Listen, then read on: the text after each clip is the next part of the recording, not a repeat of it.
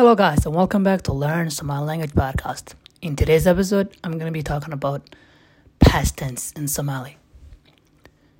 Uh, there's only one past tense in Somali corresponding to three tenses in English past tense, present perfect, and past and past perfect. So there's only one tense in, in, within Somali language. Now let's talk about the past tense in Somali.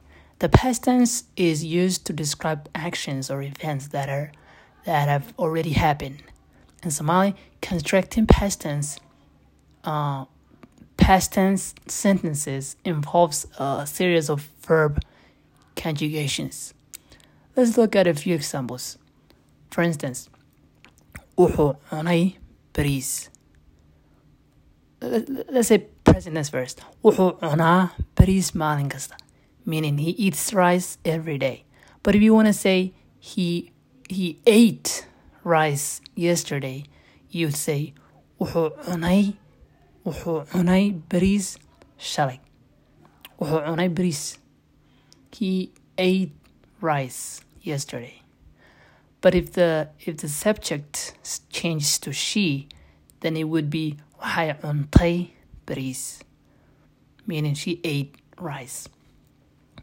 Here's the here's the here's what here's here's what you need to memorize basically. You would add ay if the subject is he, I, he and I. For instance, ani waxaan tegay suuqa. I went to the market. Notice ay tegay a waxaan tegay suuqa. I went to the market.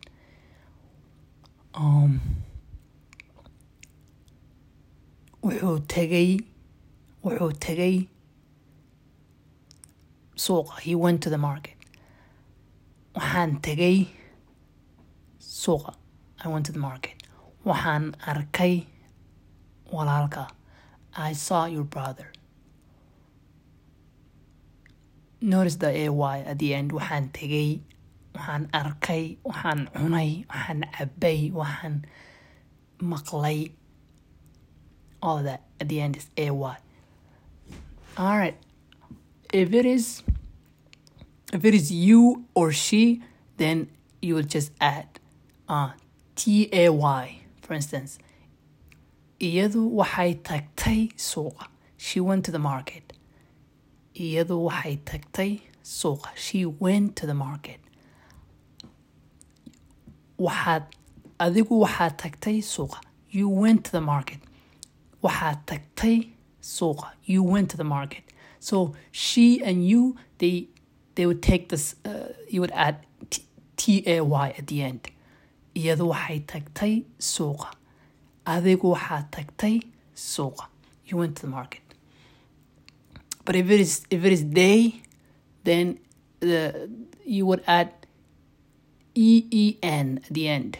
It, becomes iyagu waxay tageen en iyagu waxay tageen suuqa. They went to the market. Iyagu waxay arkeen bisad. They have they saw a cat. Waxay iyagu waxay booqdeen walaalkood. They visited their brother.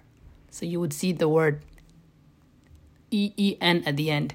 Waxay booqdeen, tageen, arkeen, maqleen. That is they. Um, and that wraps up our exploration of the Somali past tense. Uh, practice makes perfect, so don't hesitate to engage with native speakers and immerse yourself in, in the language. Join us WhatsApp group, group chat. Um, till next time, have a wonderful day.